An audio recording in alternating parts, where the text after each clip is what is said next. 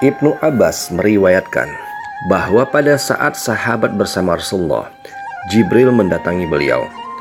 Hal itu dapat diketahui karena Rasulullah menunggakkan kepala beliau dan melihat ke atas langit setelah sebelumnya mendengar ada suara di atas beliau.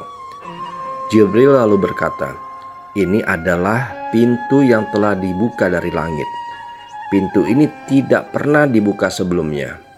Jibril lalu mengatakan bahwa ada satu malaikat turun dan mendatangi Rasulullah lalu berkata, "Sampaikanlah kabar gembira kepada manusia."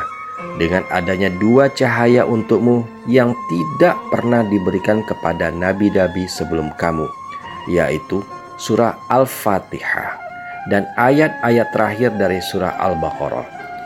Jika kamu membacanya walaupun hanya satu huruf, maka pasti surah itu akan sampai kepadamu.